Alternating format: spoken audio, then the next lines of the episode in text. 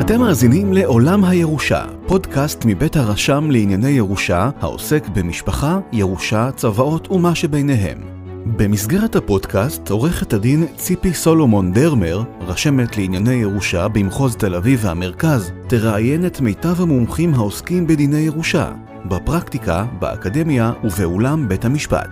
הפודקאסט מופק על ידי עורך הדין מנחם פשיטיצקי, רשם לענייני ירושה. התוכן נועד לידע כללי והעשרה בלבד, ואינו מהווה תחליף לייעוץ משפטי. האזנה מהנה ומועילה. שלום לכולם, אני ציפי סולומון דרמר, רשמת לענייני ירושה במחוז תל אביב והמרכז של האפוטרופוס הכללי, משרד המשפטים. ואנחנו שמחים לארח אתכם בעוד פרק של אה, הפודקאסט שלנו, עולם הירושה, והפעם נדבר על משפחות מורכבות בעידן המודרני, יחסי ממון וירושה ומה שביניהם.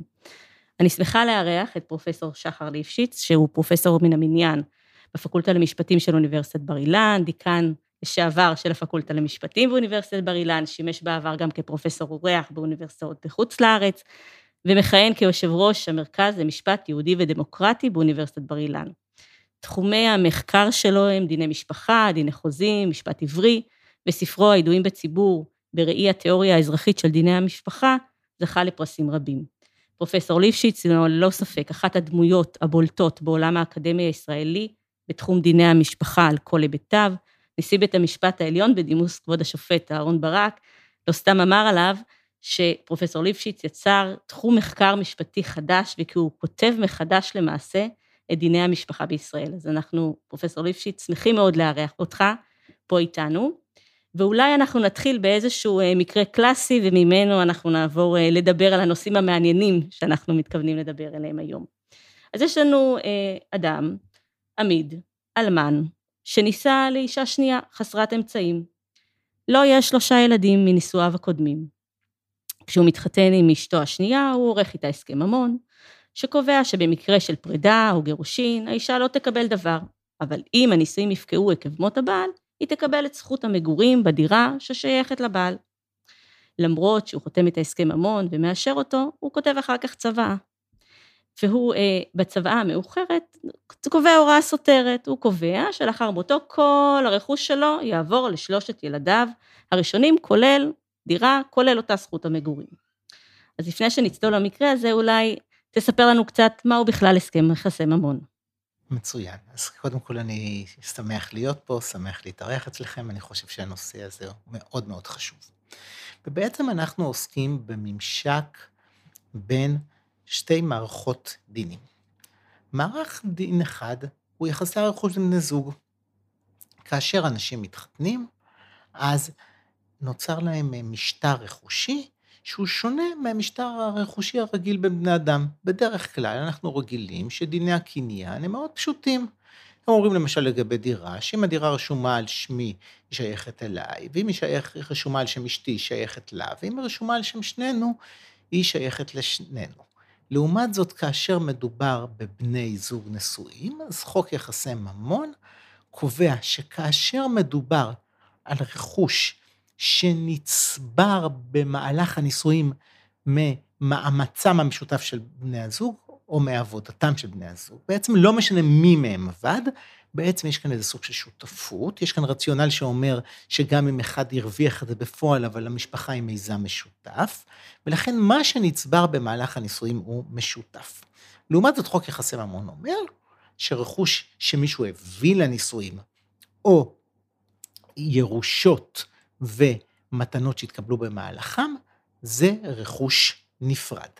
עכשיו, יש עוד דבר אחד ש, ש, שצריך לדעת, גם אותו רכוש שבמקור היה נפרד, יכול במהלך השנים להפוך להיות משותף. למשל, בדוגמה שבה פתחת, אז בוא נתעלם רגע מהסכם ממון. כן. אני כרגע מדבר על ברירת המחדל, אז בעצם החוק אמר, מה שהם צברו ביחד יהיה משותף, מה שכל אחד הביא הוא נפרד, אבל הפסיקה קבעה, במיוחד לגבי דירת מגורים, שמצב עניינים שבו אה, בני זוג חיים ביחד שנים רבות, בדירת מגורים, נניח אם הם השקיעו בדירה, למשל אם כן. בסיפור שלך הדירה במקור הייתה אולי איזה חורבה, ובמהלך השנים שיפצו. הם שיפצו אותה, או עשו תמ"א 38. כן.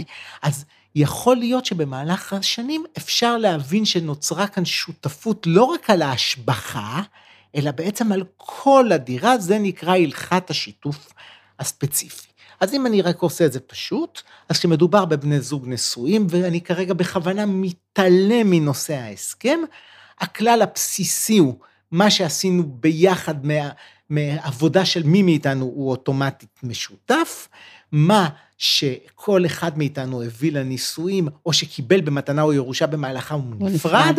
כל הדברים האלה קובע חוק יחסי ממון לגבי אנשים נשואים, והפסיקה פיתחה מכניזם דומה לגבי אנשים שלא נשואים, שנקראים ידועים ידועים בציבור. בציבור, זה נקרא חזקת השיתוף, ובעצם ייקבע מכניזם דומה, יש ניואנסים שכרגע לא משנים לנו. לכל זה אנחנו נקרא בהמשך השיחה שלנו, אני מציע, דיני הרכוש הזוגי.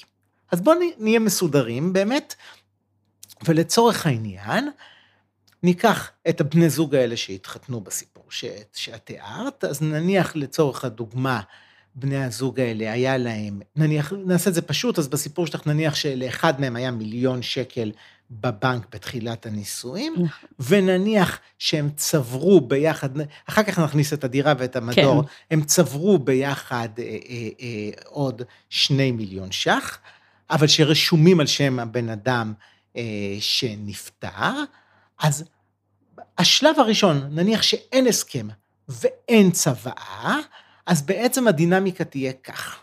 בשלב ראשון, בן הזוג שנשאר בחיים בעצם מגיש תביעה כנגד העיזבון. ובעצם בתביעה הזאת הוא אומר, זה נכון שבבנק כרגע יש שלושה מיליון ש"ח, אבל השלושה מיליון ש"ח האלה הם לא שייכים לך בלבד. אלא בעצם מתוכם שני מיליון היו משותפים, ולכן אנחנו עושים, לפי התפיסה המקובלת, סימולציה, נניח היינו מתגרשים יום לפני, לפני. המוות. אם היינו כן. מתגרשים יום לפני המוות, אז בסיפור שלנו, אז בין, אז נקרא לו- להם השורד וה, ו, ו, והנפטר, והמנוח, והמנוח. אז השורד היה מקבל מיליון. לא כיורש, זה הנקודה. החשובה, זה שלו בדיוק, ולכן מיליון הוצאתי מהעוגה. נכון. אז מיליון הוא קיבל, עכשיו צריך לחלק את השני מיליון שנותרו. מה זה בעצם השני מיליון שנותרו? החצי של, ה, של המנוח ברכוש המשותף, פלוס המיליון שהיו של המנוח ושהם לא חלק מהרכוש המשותף.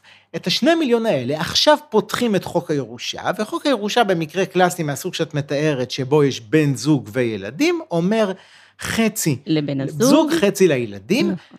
ולכן שימו לב, זה אפילו תביעה מסוג אחר.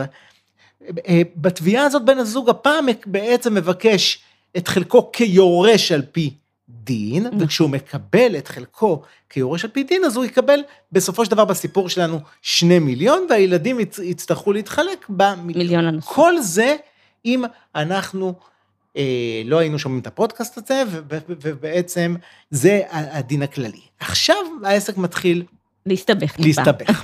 מה קורה אם בני הזוג היו עושים רק הסכם, נכון. ובהסכם הזה הם היו קובעים הפרדת רכוש. הם היו אומרים, אנחנו כאן אה, לא בשביל אה, ליהנות אחד מכספו של השני, בנישואים עצמם יש לנו מנגנון שבו כל אחד יהיה איזו קופה משותפת וכל אחד כן, ישים משהו, כן. אבל במקרה של. פגיעה מכל סוג שהוא, לא תהיה אה, אה, אה, שותפות. שות- שותפות. אז בעצם בואו ננתח את זה.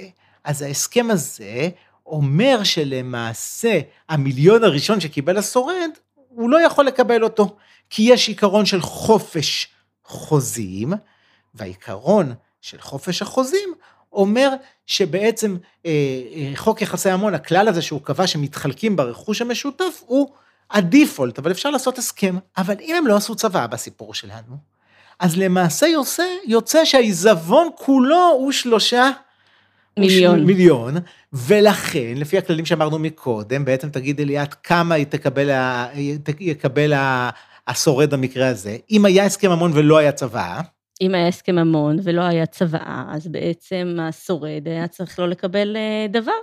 למה? אם היה הסכם ממון, אז הוא לא היה צריך לקבל מקרה של גירושים, אבל עכשיו זה אומר שהעיזבון הוא שלושה מיליון. נכון. אם אין צבא, אז אה, אמר- אם בהיעדר צבא הוא היה מקבל בירושה על פי דין, לא מכוח יחסי נכון. הממון, אלא מיליון ירושה על פי וחצי. דין, הוא היה מקבל מיליון וחצי, והילדים היו מתחלקים בעוד מיליון במיליון וחצי. בדיוק. נכון. זאת אומרת, בסיפור הראשון שלנו, כשאין בכלל צוואה ואין הסכם ממון, אז אמרנו שבעצם השורד. מקבל שני מיליון, הילדים מתחלקים במיליון. אם היה הסכם ממון בסיפור הזה, אבל לא הייתה צוואה, נכון. אז בעצם כל השלושה הם חלק מהעוגה, כי בעצם הכל היה שייך למנוח. עכשיו בואו נהפוך את הסיפור. תארי לעצמך שהמנוח לא עשה הסכם ממון, כי הסכם ממון זה נורא לא רומנטי. נכון. אנחנו יכולים להתווכח על זה עוד מעט, אני אשכנע אתכם שזה יכול להיות רומנטי, אבל... אבל זה לא נתפס היום כרומנטי. כרומנטי, זה נתפס, אתה חושב על גירושים, אתה גם צריך את שיתוף הפעולה. כן. לעומת זאת, מה שכיף בצבא, ותכף נדבר על זה, זה שזה לא פוגע ברומנטיקה, כי אתה לא חייב לספר על זה אפילו לבן הזוג. נכון.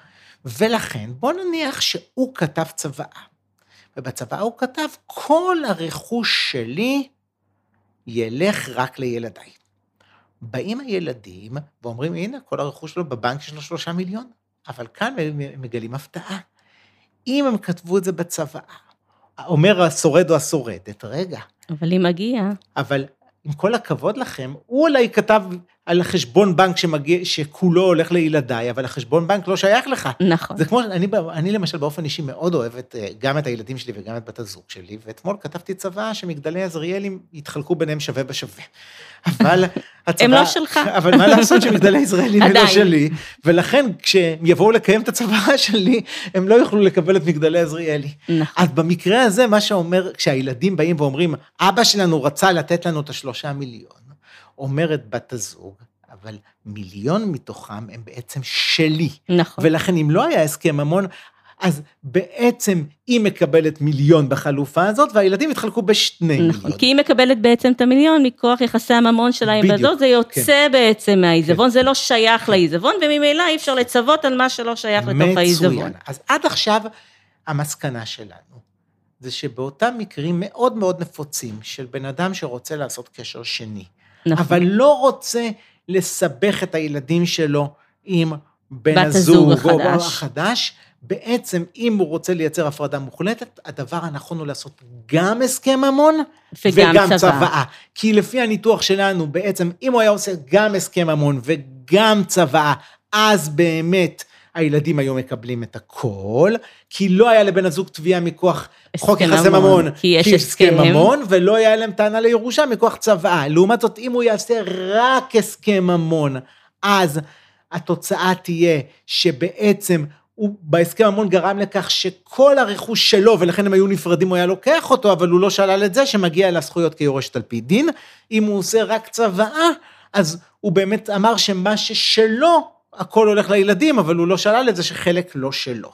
לכן המסקנה הראשונה והחשובה ביותר היא שאם אתה רוצה לעשות מנגנון שבו רק הילדים שלך מקבלים, וזה מאוד מאוד חיוני לקשר שני, צריך לעשות גם כן. הסכם ממון וגם צבא, וזה אולי הנקודה הכי חשובה ומשמעותית. מכאן נכון. אנחנו מתחילים לכמה התפצלויות נכון. מעניינות. וההתפצלויות המעניינות קורות באמת בגלל נקודה שאמרתי אותה ברמיזה, אבל צריך עכשיו לחדד אותה, והיא באמת תקרב אותנו לשאלה שלך שהיא מאוד מורכבת. נכון. והיא הבדל מאוד דרמטי בין צורת החשיבה של דיני ירושה, לבין צורת, או של דיני צוואות, לצורת החשיבה של דיני חוזים. ואני מרצה גם לדיני ירושה וגם דיני חוזים, ולכן אני כל פעם חי באיזה מין דיכוטומיה. דיני חוזים חיים בצורת חשיבה שאנחנו, כשהיינו ילדים, היינו קוראים לזה בלי חרטות. נכון. מה זה בלי חרטות? יש כאן גם כן פרדוקס נורא מעניין. דיני חוזים, בכל קורס דיני חוזים שמשפטנים לומדים את זה בשנה הראשונה להכשרה שלהם, מדברים על דיני החוזים כסמל הליברליזם. למה זה סמל הליברליזם? כי בניגוד לכללים רגילים שהמדינה כופה עליך בחוזים, אומרים לך, הצדדים יכולים להסכים. בדיוק תוכנו של חוזה יהיה ככל אשר יסכימו הצדדים, ומדברים איתך על חופש הרצון. נכון. אבל העולם הליברלי מדחיק משהו מאוד מעניין. אני בודק בחוזה את חופש הרצון בזמן הכריתה. בכריתה שלו. כלומר, בכריתה של החוזה אני בודק שבאמת רצית ושלא הכריחו אותך ושלא הטעו אותך. אבל once החוזה היה מרצון, אבל בן אדם אומר, השתנה המצב, משהו השתנה קרה. המצב, בדיוק, אני לא רוצה לוותר על הדירה הזאת. אתם יודעים, כשאני ויתרתי, כשאני חתמתי על החוזה הזה, לא דמיינתי כמה יהיה קשה לי להיפרד מדירת חלומותיי וכדומה, ואז אנחנו הולכים למודל של בלי חרטות. בדיני חוזים אומרים לך, אדוני הנכבד, אתה לא שחקן לבד, כי יש גם צד שני, והצד השני הסתמך. הסתמך, בדיוק. זאת המילה החשובה בדיני חוזים. כלומר, בדיני חוזים, הלגיטימציה של עולם המשפט לכפות עליך בעצם לא לשנות את דעתך, היא כי יש פה צד שני. זאת אומרת, בעולם המוסר יש מושג שנקרא נדר, נכון? נדרת נדר, אז גם אם נדרתי לעצמי, אני צריך לקיים. נכון. כשאני עושה דיאטה, אז אני מבטיח לעצמי פעם אחר פעם. כן, בעצם תחשבו על זה שזו שאלה מעניינת, המכניזם של pre-commitment, נכון? כלומר, אנחנו בעצם יוצרים של מחויבות קודמת, קודמת. שלכאורה אתה אומר, אני מפחד שבעתיד יהיה לי רצון חלש, אז אני מתחייב עכשיו. אני מתחייב עכשיו. למשל, כשאני אוסר על עצמי אה, אה, להביא שוקולד הביתה, לפחות כי אני למדתי שלא יעזור כשאני אביא שוקולד הביתה, גם אם זה לכאורה לאורחים, אני בסוף, בסוף שבת אני אוכל אותו, אז אני מעדיף להימנע. להימנע בכלל שיהיה שוקולד בבית. זאת אומרת, הרצון הארוך טווח שלי זה שלא... אז בדיני חוזים, בדרך כלל, אנחנו הולכים על מחשבה שאומרת, בלי חרטות, כי ההסתמכות של הצד השני היא מאוד חשובה, ולכן בעצם אי אפשר להתחרט. לכן בדוגמה של ההסכם ממון, נכון. למשל, אם אנחנו נכתוב בהסכם ממון, למשל, אה, אה, יבוא בן הזוג ויגיד, אה, אולי כמו בדוגמה שלנו שנתנו. כן, כן, 60 אחוז ו-40 אחוז, כן. לצורך העניין. נניח בן זוג יגיד, תשמעי, את תהיי אה, בבית, אה, אני מאוד, אה, אני רוצה להיות לארג', במקרה של פרידה תקבלי 60 אחוז. ובמהלך הנישואים הוא יתפוצץ ויגיד, מה, מה פתאום, פתאום?" מה פתאום זה? אז אנחנו נגיד, לא, אתה. בדיוק, בלי חרטות, כן. בדיוק. לעומת זאת, המודל של דיני ירושה, הוא שאדם יכול בעצם להתחרט תמיד. בדיוק. בכפוף לסייגים שקשורים למשל לצוואות הדדיות, שגם בהם נכון, אבל בוא יש נעז... הסתמכות, אבל אם ננתק כן. כרגע את הסוגיה הזאת, המודל, הפרדיגמה של נכון. דיני הצוואות, יכול להתחרט היא. פרדיגמה של חופש ציווי. הציווי מוחלט. נכון. עכשיו, יש כאן שאלות, יש כאלה, דרך אגב, שמבקרים את זה בצורה מאוד חזקה, אבל בדיני הירושה הקיימים בארץ, אין רעיון של הסתמכות בירושה. כלומר, גם אם מישהו הראה לך, אתה יודע כמה אני אוהב אותך, תראה. כתבתי לטובתך. אתה יכול לתלות את זה במשרד, אבל אתה נכון. לא יכול להסתמך על זה, כי כל יום הוא יכול להתחרט, והוא גם לא חייב לספר לך. זאת נכון. אומרת, יש כאן כמה דרגות שהייתי יכול לחשוב באמצע. הייתי יכול לחשוב, תשמע, אני אומנם אה, אה, יכול לשנות את דעתי, אבל לפחות שהצד השני ידע. לא. בדיני ירושה יש לך, בעצם בן אדם שאמרו לו, אתה מוטב בצבא, הוא צריך להבין... שזה שאין- יכול להיות, זה אולי. בדיוק. עכשיו, יש, ל- יש כאלה שטוענים שזה לא בסדר וצריך לבטל את זה. יש בארץ חוקרת שנקראת אה, שלי קרייצר, שדווקא מצדיקה את זה ואומרת שיש כאן איזה רעיון שירושה היא לא רק כסף, אלא היכולת לס- לספר את סיפור חייך ואת היכולת בעצם של בן אדם כל הזמן לשנות את סיפור חייו. כעניין שבעובדה, הגן העמוק של דיני ירושה נכון. בארץ זה חופש ציווי. ולכן, דרך אגב, חוק הירושה באמת קובע שצוואה מאוחרת לעולם תגבר על צוואה קודמת, ולא משנה, דרך אגב, אם כתבת את זה או לא כתבת את בדיוק. זה, זה ההגדרה. ולכן הוא גם קובע בסעיף 8 לחוק נכון. הירושה, שאי אפשר להסכים. אי אפשר בדיוק, אני לא יכול לבוא לבן אדם, עזבו רגע משפחה, אני יכול, נניח אני אבוא לילד שלי ואני אגיד לו, תקשיב, אני אתה- מבטיח לך. כן, אתה ת, אה, אה, תטפל בי, אתה תבוא לבקר אותי, אתה תעשה כך וכך, ובעד זה אתה, תקבל את כל הירושה. כל הירושה, או אתה תקבל חלק יותר גדול, נכון. לא יקרה. זאת אומרת, זה תלוי תמיד ברצונו של של המצווה. המעורב. וכאן מגיע, אז זה צריך לזכור בראש, וזה מביא את הדרמה המאוד גדולה. כי מה קורה שאנחנו בני זוג, ועכשיו זה קטע מאוד מאוד מורכב. כי מצד אחד, לגבי הרכוש הזוגי, דיברנו מקודם, עשינו הסכם ממון, בדיוק, ולגבי הסכם ממון המודל הוא בלי חרטות. נכון?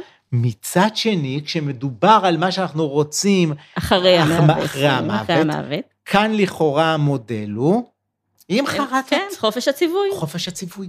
וזה יוצר בלבול מאוד מאוד משמעותי.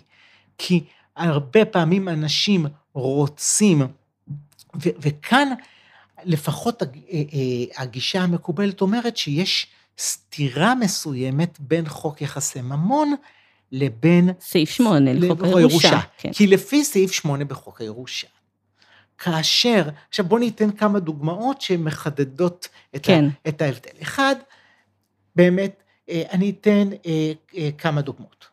אני אתן ארבע דוגמאות, והרביעית ביניהם תהיה הדוגמה שלך. דוגמה מספר אחד, אני אקרא לה הירושה המדירה. במקרה הזה, אנשים כתבו הסכם ממון, בהסכם ממון הם אמרו, כל אחד מאיתנו בעצם הוא בעלים של הרכוש של עצמו, אם ניפרד אז לא יהיה שיתוף אלא הולכים לפי דיני קניין, עד כאן הכל סבבה, אבל אז הם כתבו, ואתה גם לא תירש אותי, ואתה לא תקבל כלום עקב המוות. אבל הם לא עשו צוואה, זוכרת שב... נכון. ש, שמקודם הגענו למסקנה שכדי ליצור הפרדה צריך לעשות גם וגם, הסכם, גם הסכם וגם גם צבא. צבא. פה הם בעצם עשו רק הסכם, אבל הם לא עשו צוואה. ואז לכאורה, לפי סעיף 8, מונה, אז אי אז אפשר. אי אפשר, ולכן בדוגמה שלנו, אז עדיין האישה תירש. למרות שכתוב בהסכם כן. הממון שהיא לא תירש, היא תירש. כן. נכון. מצד שני, לפי הלוגיקה של חוק יחסי ממון, חוק יחסי ממון בעצם כן אפשר להסכים בדברים נכון. האלה. מקרה מספר 2 הוא המקרה שאת דיברת עליו, או לפחות רכיב מסוים בתוכו, כדי להפריד בין המקרים למקרה הראשון אנחנו נקרא, ירושה מדירה. בדיוק, ההסכם המדיר. זה- ההסכם המדיר, נכון, ההסכם המדיר, נכון, כלומר, נכון. הסכם שבו בעצם אנשים אומרים, אתה לא, אתה כשאני אמות תהיה עצוב באמת, כי לא תקבל כלום. המקרה השני, אנחנו נקרא לו ההסכם המבחין. וההסכם המבחין בא ואומר, תקשיב, אם אנחנו אה, ניפרד מכל סיבה שהיא, אז מגיע לך לפי החוק חצי, תקבל את החצי שלך. לעומת זאת, אם אתה תטפל בי עד יום מותי ותהיה איתי עד יום מותי, אז תקבל 80 אחוז. נניח, אנשים עושים הסכם כזה. האם העובדה שההסכם דיבר על המוות באופן ייחודי, ולא עשו צבא. ולא עשו צוואה, או בוא נשאל אחרת, והם אחר כך עשו צוואה שונה. האם זה חלק מהסכם ממון ולכן אתה אומר את ה-80 אחוז בעצם הם סיכמו שהוא מקבל, או שאתה אומר לא, במקרה... הוא לא יכול. הוא לא יכול, כיוון שבעצם... סעיף אה, 8 אוסר עליו לעשות את זה, ובצבא הוא כן. כתב אחרת, נכון. ולכן זה ילך לפי הצבא. נכון. עכשיו מקרה שלישי, בני הזוג מתגרשים. הם אמנם לא סובלים אחד את השני ולא מגיעים להסכם, אבל דווקא את הילדים הם אוהבים. ואז מה שקשה להם להיות לארג'ים אחד על השני, הם מוכנים להיות לארג'ים על הילדים. ואז אומר נניח הבעל לאישה, אני מוכן שאת תגורי כאן בבית, אבל אני, אנחנו בוא נסכם ש... אה, אה, זכויות ש- הבעלות, הבעלות. בדירה יעברו לילדים, אבל לא עכשיו, אלא רק אחרי, שאת תלכי לעולמך. או, או שאחרון בינינו ילך לעולמו. כן. או לחלופין, כמו אה, שיש מדי פעם באופרות רבות שאתם יכולים לראות, אנשים מתגרשים, העסק רשום על שם הבעל, האישה מגיעה לזכויות בעסק, אבל הבעל זה מחרפן את קשורה לעסק? היא אומרת, אני מוכנה לוותר על הזכויות האלה, אבל אתה תתחייב שבעצם העסק הזה, שבדי עמל נוצר בזמן הבעלות שלנו, יגיע לילדים. אז זה נקרא הסכם ש, אה, אה, שבעצם מקנה זכויות לילדים, ומקרה רביעי זה המקרה שלך, המקרה של שההסכם מקנה דיור. יפה. וכאן בעצם העמדה המקובלת במשפט הישראלי הייתה שבעצם זה או צל"ש או טר"ש. כלומר, יש כאן סתירה שהמחוקק לא שם לב אליה בין הלוגיקה ההסכמית של חוק יחסי ממון שאמר שכל ההסכמים האלה צריכים להיות תקפים, כי חוק יחסי ממון הוא חוק מיוחד שמדבר על בני זוג, ובניגוד לכלל וגם הרגיל. כשהם עשו הסכם, הם חשבו על זה בכובד ראש, וגם בדיוק. אישרו אותו הרבה פעמים. אז כן. לפי עמדה אחת שאמרו אותה, אה, ש, שהיה לה ביטוי בחלק מפסקי הדין של בתי המשפט המחוזיים, ומלומדים מסוימים חשבו כמוה, אז בעצם יש סתירה, כי לפי הלוגיקה של סעיף 8 לחוק הירושה, אי אפשר. אפשר, לפי הלוגיקה של חוק יחסי ממון אפשר, אפשר. ו, ולפי עמדה אחת חוק יחסי ממון מנצח, ולכן ארבעת ההסכמים האלה, אם הם בתוך, ה, נקרא לזה במונחים צבאיים, אה, או במונחים היום של הקורונה, זה חדר אה, אטום חסין מבודד. כלומר, חוק יחסי ממון הוא הוא אזור, שולט, כן. הוא אזור חסין אה, לוגיקה של דיני ירושה. מול הגישה הזאת הייתה עמדה הפוכה, שגם היא יוצגה על ידי אה, מלומדים נכון. חשובים, ו- והיה לה כל מיני פסקי דין אה, חשובים בבתי משפט מחוזיים. שאמרו, נכון, יש סתירה, אבל בסתירה הזאת, דיני הירושה יגברו. שהמנצחים, ולכן הם אמרו לך, תקשיב, היה להם ניואנס אחד. הם אמרו, אם עשית הסכם, ובהסכם אמרת, תשמע, 80 אחוז מה, מהרכוש המשותף שייך לבן, לאחד מבני הזוג, גם בגירושים וגם במוות, בלי הבחנה, אז אז אתה צודק, זה שלו, ולכן הבן זוג השני יכול להוריש רק את ה-20 אחוז. אבל אם התחלת לדבר בנפרד על גירושים ועל מוות, זה כבר סותר את סעיף 8, ולכן כל ההסכמים שתיארתי, הם... אה, אה, למקרה של פטירה לא קיים. לא, לא, לא היו תקפים. כן. עכשיו, היה בזה מחלוקת מסוימת, אבל יש דבר כזה ככה, כמו בכדורגל, שקבוצה מסוימת אה, מובילה, או נראה שהיא הולכת לנצח. היה שלב, הייתי אומר, עד לפני עשר שנים, שהמגמה הייתה יותר ויותר ללכת לכיוון הגישה הראשונה. זאת אומרת שחוק יחסי ממון באמת מנצח. אה, יחסין והוא כן, ינצח. ולכן בכל ארבעת המצבים האלה, גם לגבי ה- ירושה ה- מדירה. וגם לגבי ההסכם שמעניק יותר במוות מאשר בפרידה, וגם לגבי ההסכם שאומר, הסכם גירושים שאומר זה ילך לילדים כן. אחרי מותנו, וגם במ- במקרה שלנו. של המדור, כן. הכל בעצם יכובד. ואז כמו שבכדורגל שיש דבר כזה ששדרנים משתגעים שקבוצה אחת מובילה והקבוצה השנייה עושה גול בהתקפה מתפרצת, הם קוראים לזה בניגוד למהלך של, המש... למהלך של המשחק, מגיע פסק דין לבית משפט מחוזי, שגם אה, אה, מת... מתקבל העליון, שהסיטואציה שבו היא מאוד בוטה. שני אנשים בנישואים שניים עושים הסכם, ובהסכם הם אומרים בצורה הכי ברורה בעצם, מה שקורה שם זה שיש שם בעצם בעל אלמן. והילדים שלו הסתלקו מהירושה של אמא שלהם. לטובתו, ולכן הוא הבטיח להם שבנישואים השניים הוא ידאג להם. ולכן הוא כתב במפורש בהסכם, יהיה הפרדת רכוש, לאף אחד מאיתנו, אומר לבת הזוג השנייה, לא יהיה זכות ברכוש של השני, וספציפית הוא אומר, לא יהיה לאף אחד זכות בדירה, לא עקב גירושים ועקב מוות. אבל הוא כי לא זו עושה... הדירה שהגיעה לו בעצם כן. מירושה. אבל כן. הוא לא עושה צבא. כן, הוא לא עושה צבא, בדיוק כי הוא לא שמע את הפודקאסט. כן. לכן הפודקאסט... נכון, חשוב מאוד. כן, למרבה הצער, גם העורכי דין שלו לא שמעו את הצבא, שזה עוד, שזה קצת יותר חמור. ולכן, כאשר הוא נפטר, באה אישה ורוצה לתבוע. אז מה שמגיע לה מכוח חוק יחסי ממון, או במקרה הזה זה היה יותר מורכב כי, אה, כי זה נישואים אזרחיים, לא משנה. הם, באמת לא מגיע לה, כי הם עשו הסכם. אבל מה שמגיע מגיע לה לה... מכל ירושה. אומרת השופטת אה, אה, צפת, שאז הייתה, שהיא שבית במחוזי. מחוזי, וזה הגיע גם לעליון שאישר את זה. היא אומרת, חבר יקר, ההסכם הוא מצוין. לפי ההסכם, כמו שדיברנו מקודם, כל, בניגוד למגדלי עזריאלי, שאני לא יכול לצוות עליהם, או החצי שלא שייך לך, הכל היה שלך. אם היית עושה צוואה, הכל היה בסדר. אבל לא עשית צוואה. לכן כשאתה מתת, כל הרכוש באמת היה שייך לך. אבל, מאחר שלא עשית צוואה, חוזרים לכללי לירושה על פי דין, והיא תקבל חצי. חצי. עכשיו, מבחינה אנליטית, פסק הדין הזה, תכף אני אסביר שהוא מאוד נכון, אבל הוא עושה כיף בבטן. כי בשורה נכון. התחתונה יש כאן בן אדם, שרצה, משהו שברור מסוים. לנו מה הוא רצה, רצה. מה הוא התכוון. ובגלל עורך דין לא טוב, או בגלל שהוא בעצם לא ביטא את זה בצורה נכונה, אז בעצם הוא פספס. מה? הרצון שלו בעצם כן, לא יבוא כן. לידי ביטוי. עכשיו, מה כאן קרה? חלק גדול מ- מהשדה המשפטי למד מפה מסקנה מאוד חריפה. הוא למד מפסק הדין הזה, שבעצם בהסכם ממון אי אפשר להגיד שום דבר שקשור לגב- לפטירה. ולכן שבכל ארבעת ההסכמים האלה, בעצם התוצאה היא שהם לא שווים כלום, ובעצם... הם הולכים או לירושה או לצבא, זה ב- הכל. בדיוק. ועל הרקע הזה אני כתבתי מאמר שבו הסברתי חברים לא כצעקתם. בעצם בוא נסתכל טוב ונראה שאין סתירה אמיתית, המחוקק לא כזה טיפש. למה? הוא גם מתכוון לתקן שם את סעיף כן. 8, תכף תכף נד- נדבר על זה בדיוק. כן, אבל בוא נדבר על המצב המשפטי. הקיים.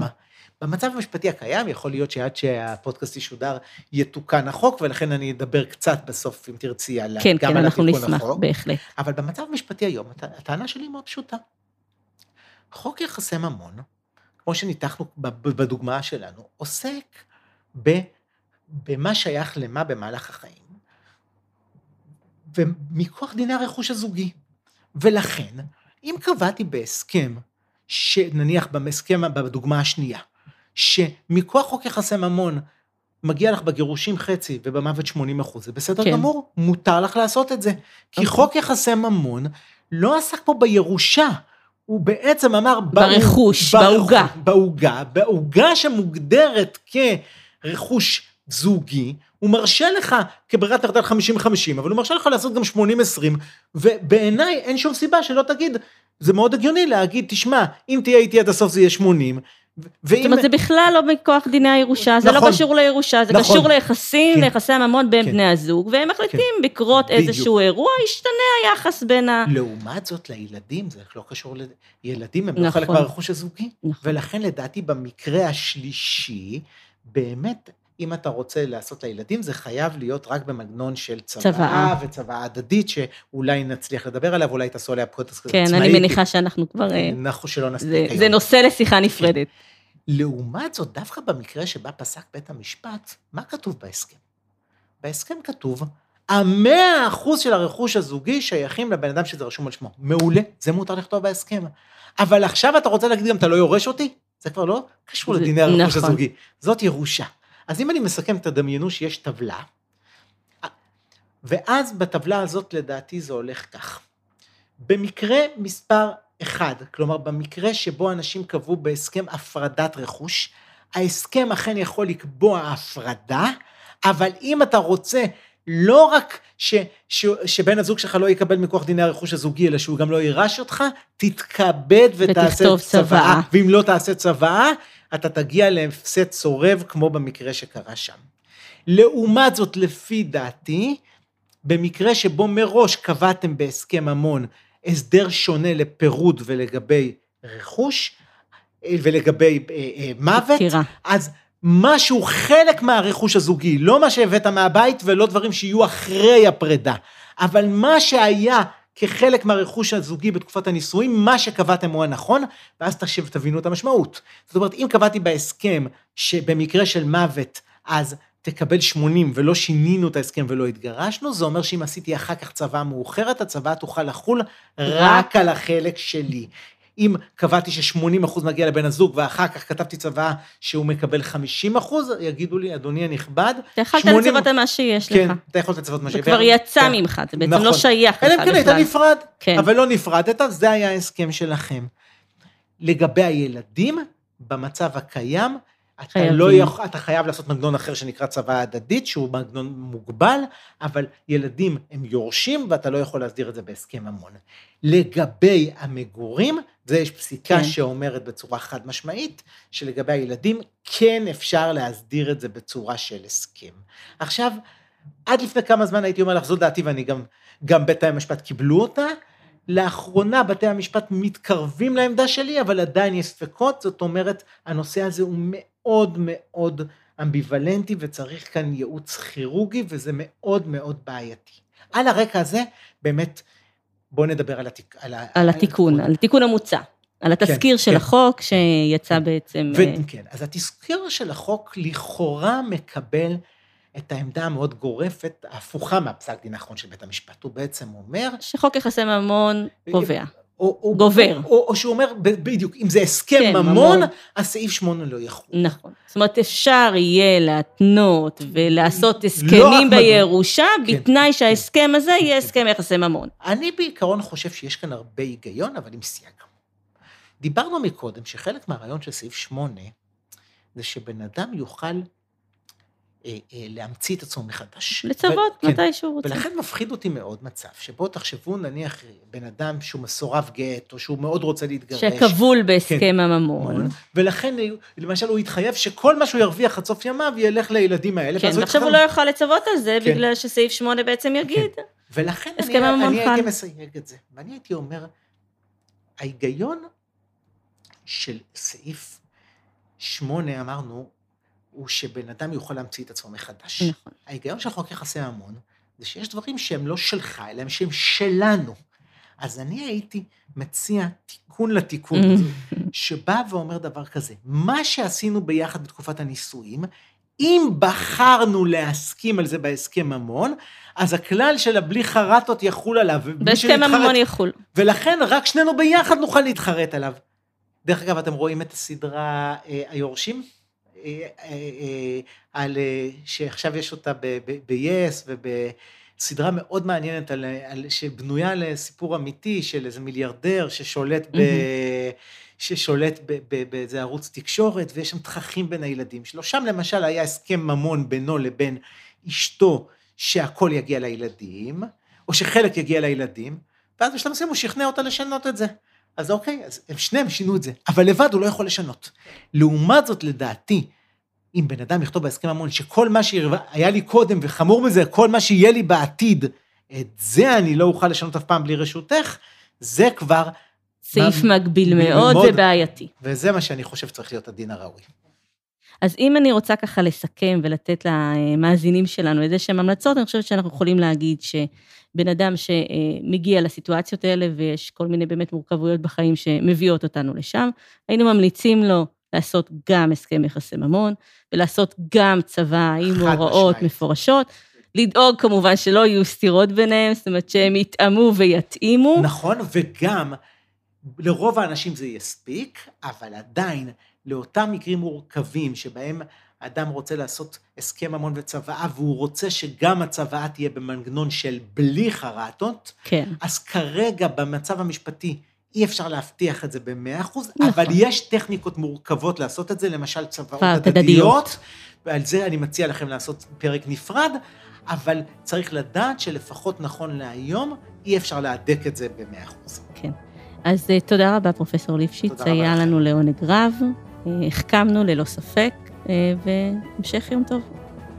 תודה שהייתם איתנו בעוד פרק של עולם הירושה, פודקאסט מבית הרשם לענייני ירושה, העוסק במשפחה, ירושה, צוואות ומה שביניהם. אתם מוזמנים להאזין לנו בכל אפליקציית פודקאסטים שאתם אוהבים. להתראות בפרקים הבאים.